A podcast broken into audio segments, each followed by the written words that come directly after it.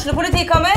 Ine Jansen er purk. Er du purk? The motherfucking bitch. Alt jeg vil, er å finne ut hva som skjedde med mannen min. Jon Carew. Er jeg sikta for noe? Iben Akeli. Det er du. Ole So, Lars Berrum og Big Daddy Karsten. Hvem sin side er du på, egentlig? Anette Hoff, Tone Danielsen, Kommer du fra Afrika? Jørnis Josef, Nesten. Kløfta. Trond Espen Seim, Det er synd å si det, men det var feil mann som døde. Purk.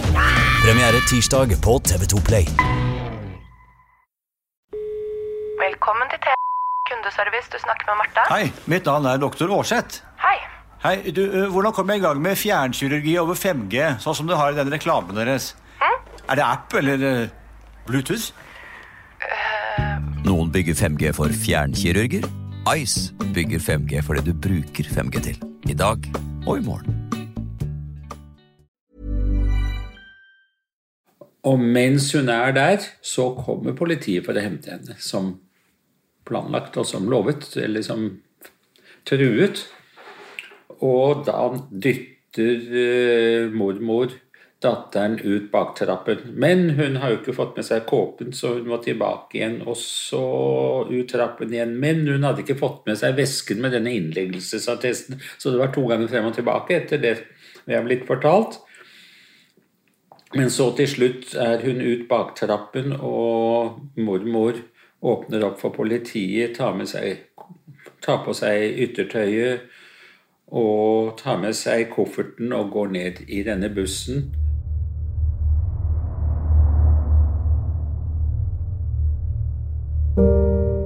Nå lytter du den andre episoden i podkasten Tønsbergs holocaust. Norge er i krig.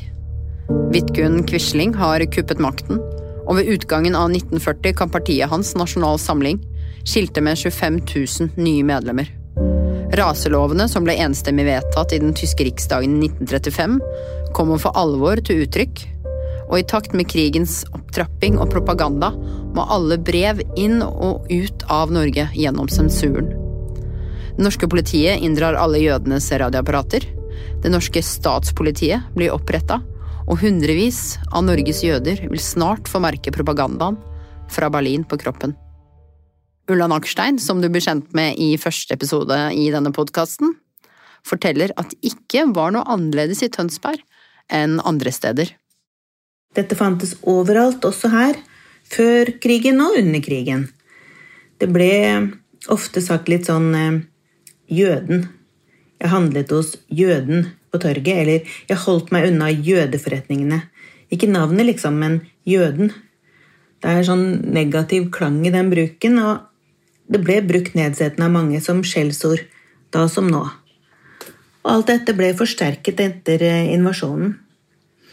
Som følge av okkupasjonen ble jo landets 2100 jøder brakt inn i et slags nazistisk maktrom, der det ble gradvis iverksatt tiltak spesielt rettet mot dem bare fordi de var jøder. Og det er sånn med oss mennesker dessverre at mange har lett for å trampe ekstra hardt på dem som allerede ligger nede. Så når folk ble fratatt rettighetene sine, og propagandaen fra myndighetene samtidig ble skrudd opp, så var det nok en slags bekreftelse på kjipe holdninger folk hadde fra før. Det måtte jo være noe med disse jødene. Det forenede dampskips selskap, eller DFDS rutebåt fra København, kronprins Olav, kommer seilende inn Oslofjorden. Klokken er ni. Det er 1. september i året 1939.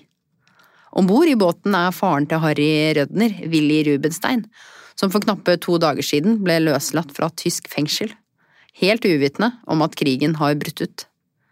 Polen er angrepet, og Willy har fått en smakebit av hva som venter. Sønnen hans, Harry Rødner, forteller videre. Han fikk beskjed om at eh, fordi han var jøde, så skulle han behandles spesielt eh, ille og fikk spesielt lang fengselsstraff for det han hadde vært med på, nemlig å smugle, prøve å smugle ut noen ting da, for tyske jøder under krigen. Men han ble mottatt av en gjeng eh, jødisk ungdom fra Oslo. Eh, Som heller ikke visste noe særlig. Kanskje de hadde hørt litt på morgennyhetene om eh, hva som hadde skjedd i Polen. Det vet jeg ikke. Eh, Men det var noe far de var interessert i og skulle motta ham. Og blant dem var mor, og det var deres første møte. Festlighetene beveger seg til en leilighet i hovedstaden. Om noen knappe timer sitter damene med hver sin sigarett og likør. I naborommet hygger herrene seg med kaffe og sigar. Og i bytte mot en konfekt fra kong Haakon tilbyr Willy damene sjokolade under én betingelse. Én konfekt, ett kyss. Noen minutter senere erklærer han. Hun fra Tønsberg hun kyssa best, så hun vil jeg invitere med på nachspiel. Og far han kom på besøk et par ganger. Ja. etter at de hadde, etter at de hadde kysset. Eh, så hadde de Far hadde dratt på besøk til Tønsberg et par ganger. De fyrte ikke i togene, og særlig ikke når toget sto stille på stasjonen. Og det skjedde på en av de småstasjonene. Så var det stans, togstans, og toget gikk ikke, og da var det heller ikke noe oppvarming, og det var minus 20 grader.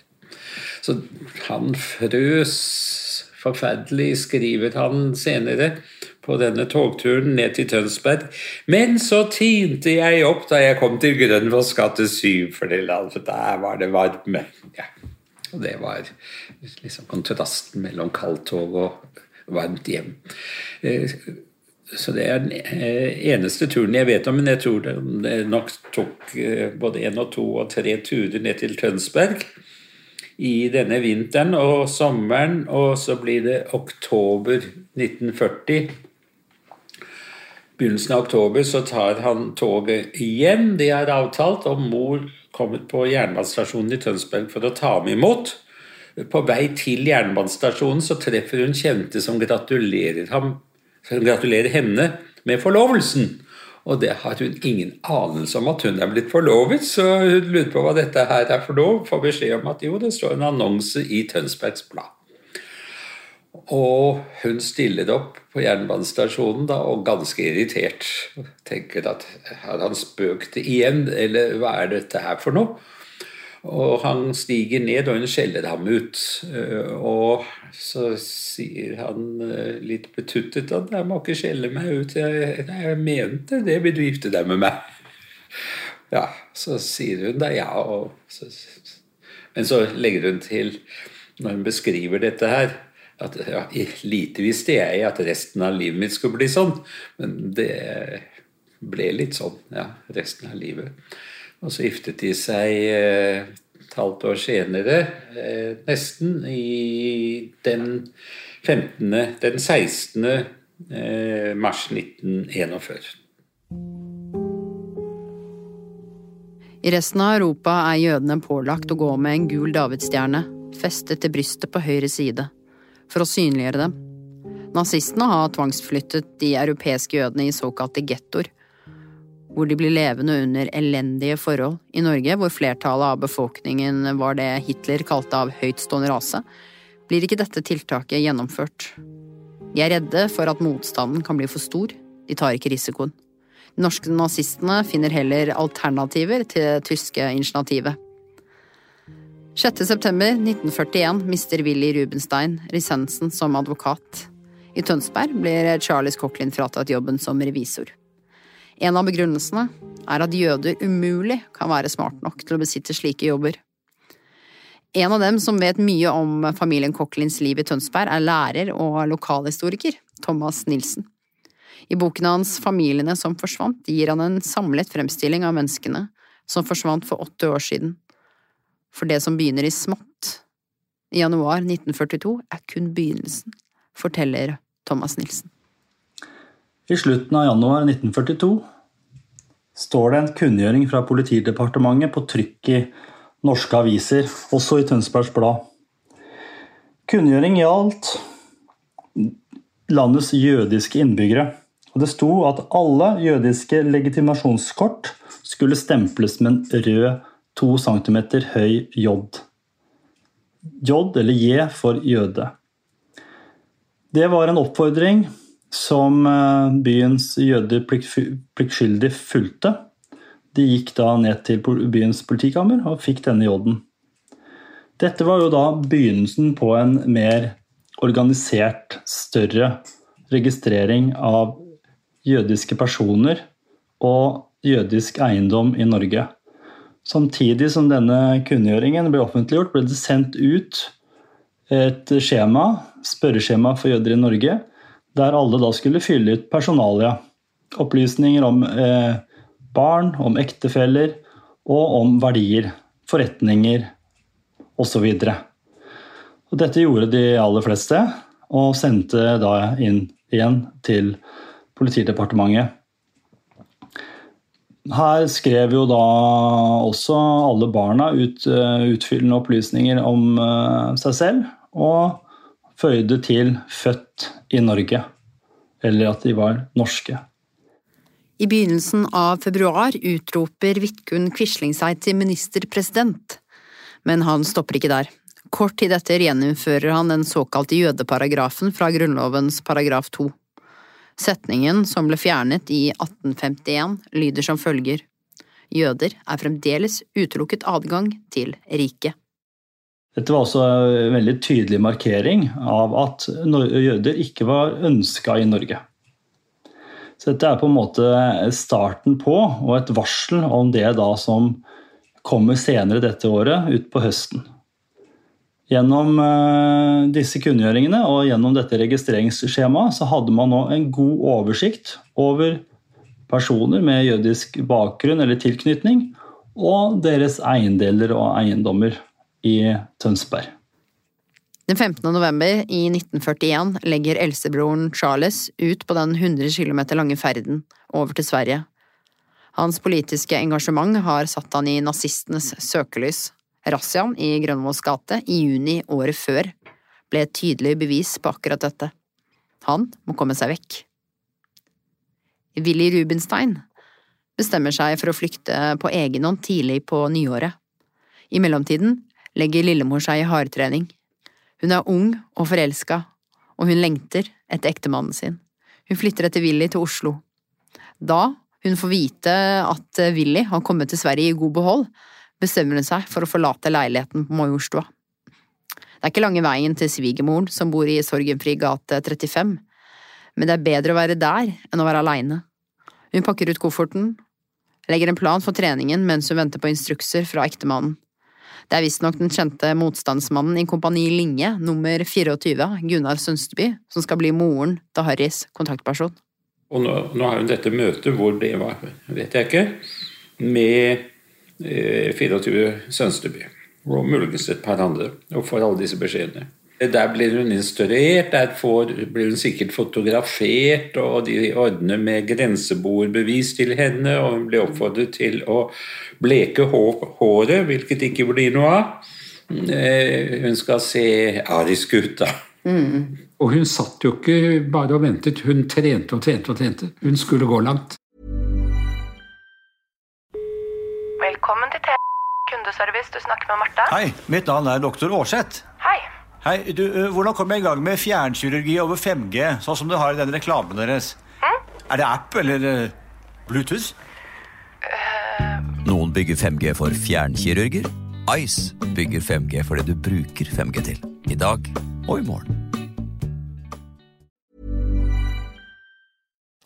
Ida og Benjamin drar tilbake til Tønsberg med tårer i øynene.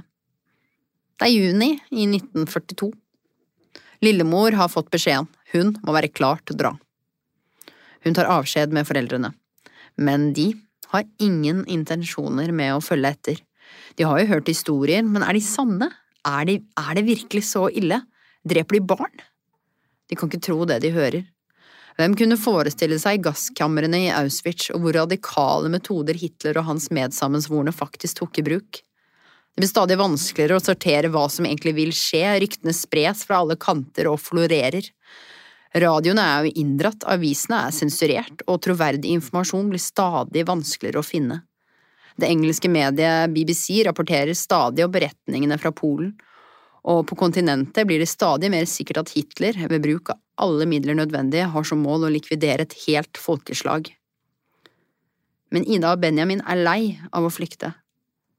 Mange av jødene i Tønsberg hadde erfaring med forfølgelse fra de områdene av det gamle tsarveldet i Russland. De hadde flykta så mange ganger før. Juni har vart i seks dager. og lillemor starter på ferden. Det blir en annerledes flukt enn den hun eh, hadde tenkt. Hvis hun ble nærmest skuffet ja. da hun fikk beskjed om nei, hun skal ta toget dit og buss dit, og så er det en liten spasertur over en bekk.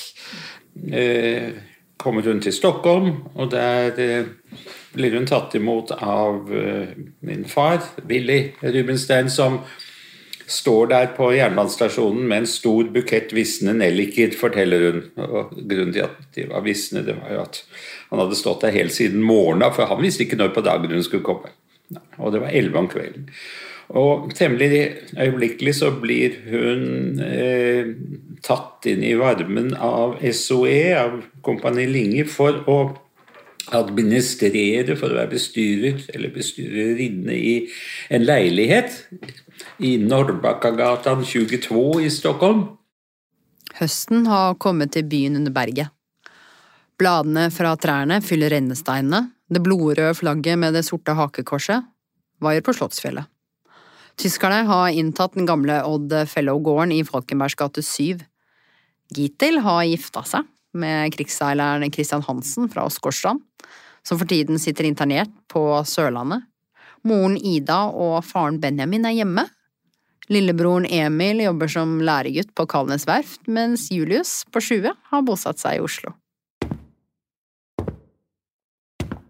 Ja, jeg tror at de kom uh, uanmeldt og sa at nå skal vi registrere alt det du eier og har, for det er ikke ditt lenger. I henhold til lov om beslagleggelse av jødisk eiendom, som de kunne slenge i bordet, så er dette Du eier ingenting. Det vil si 200 kroner skal du få lov til å beholde. Det var jo tross alt litt penger den gangen, så det var jo et par-tre 4000 kroner da, som hun skulle få lov til å leve av eh, nærmest resten av livet. Og det ble jo faktisk resten av livet. Og, eh, og, nå skal vi registrere alt du eier og har, og de spurte kanskje kan vi få nøklene dine. Vi, har du noe eh, Hvor har du oppbevart verdisaker? spurte de kanskje om. Har dere noe pengeskap her? Det hadde de ikke. Og så, etter å ha forhørt seg sånn, så gikk de rundt i hele leiligheten, var en nokså stor leilighet, og registrerte alt fra filleryer og oppvaskkluter til bokhyller og spisemøblement, senger, sengetepper, klær, malerier, kunst Alt ble registrert og taksert. Og det var ikke akkurat noe særlig gunstig takst. Dette her eh, skulle de beslaglegge for en billig penge for oppdragsgiverne. Så eh, hvor hun satt og opplevde dette her, tør jeg ikke si, men jeg kanskje i stuen, kanskje på kjøkkenet, og der fikk hun vel ordre om å bli sittende til de var ferdig, så hun fikk ikke være med rundt. Og disse romsterte rundt i alle rom og på loft og i det hele tatt. Og vi har jo mange lister over hva de fant, og de fant stort sett alt. Eh, og så måtte hun undertegne på at eh, de hadde eh, registrert dette her.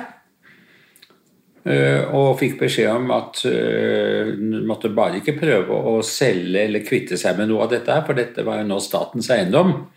Så det ville medføre alvorlig straff hvis hun gjorde noe sånt. Og så gikk de. Ida Cochlin tar på seg kåpen. Hun legger passet med J-en i veska, lukker ytterdøren til det tomme huset og spaserer nedover Grønvolls gate, helt ned til politikammeret i sentrum. Altså, hun meldte seg jo hver dag på politikammeret. Så dagen før den 26., den 25. november 1942, så har hun registrert seg, og her er jeg. Fremdeles ikke flyktet. Og da fikk hun beskjed om at hun måtte stå parat neste morgen, tidlig om morgenen. Eh, for hun skulle bli hentet, og da måtte hun ha ferdigpakket en koffert med eh, vinterklær. Dette her var slutten av november og ganske så surt vær og sånt nå var det også. Hun hadde både klær på seg og i kofferten og andre ting hun trengte, og mat for fire dager, tror jeg de fikk beskjed om at de skulle ha med seg. Eh, Og, så, og da ble hun naturligvis nervøs.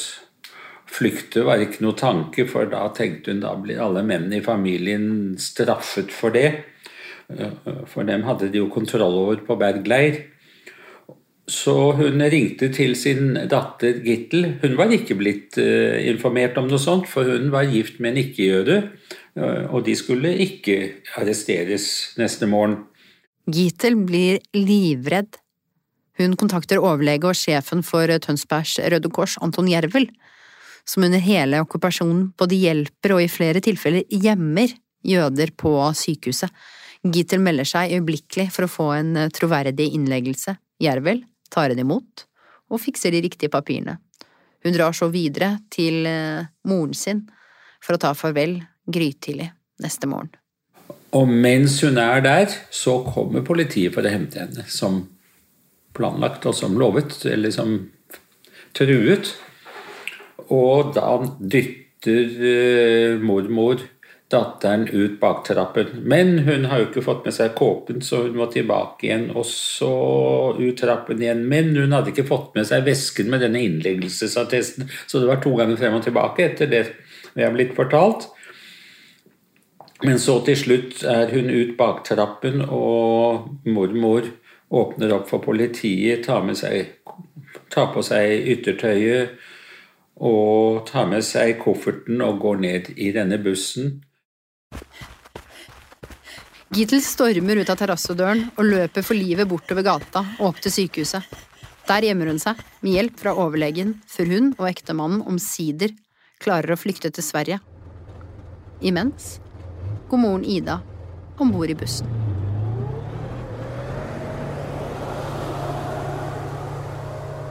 Der hun står notert i den listen som fulgte med bussen som nummer seks. Alt i alt ti eh, jødiske kvinner, barn og eh, den eldste av alle jødene som ble arrestert i det hele tatt eh, eh i denne anledningen, eh, var også med. 83 år gammel. Eh, ti stykker alt i alt fra Tønsberg. Og så drar bussen av gårde. Retning Oslo. Henter flere underveis.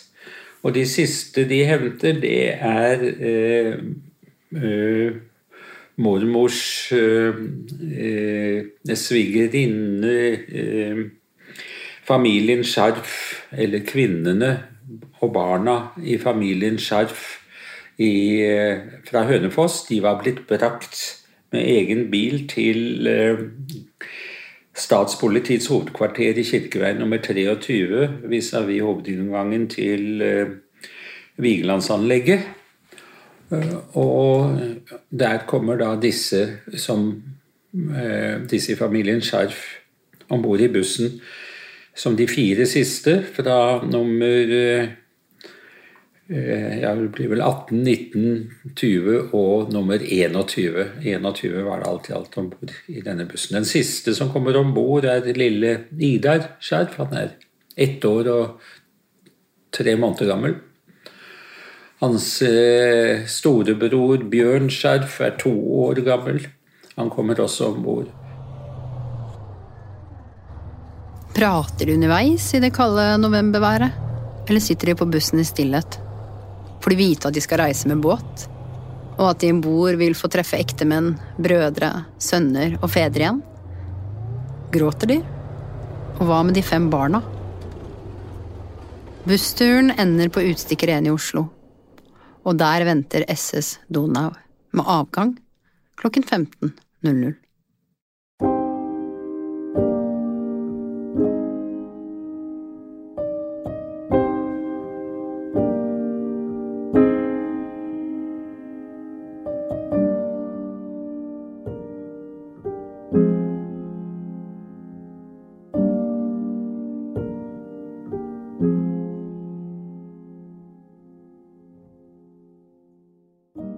har nå hørt eh, ferdig episode to av podkasten Tønsbergs holocaust.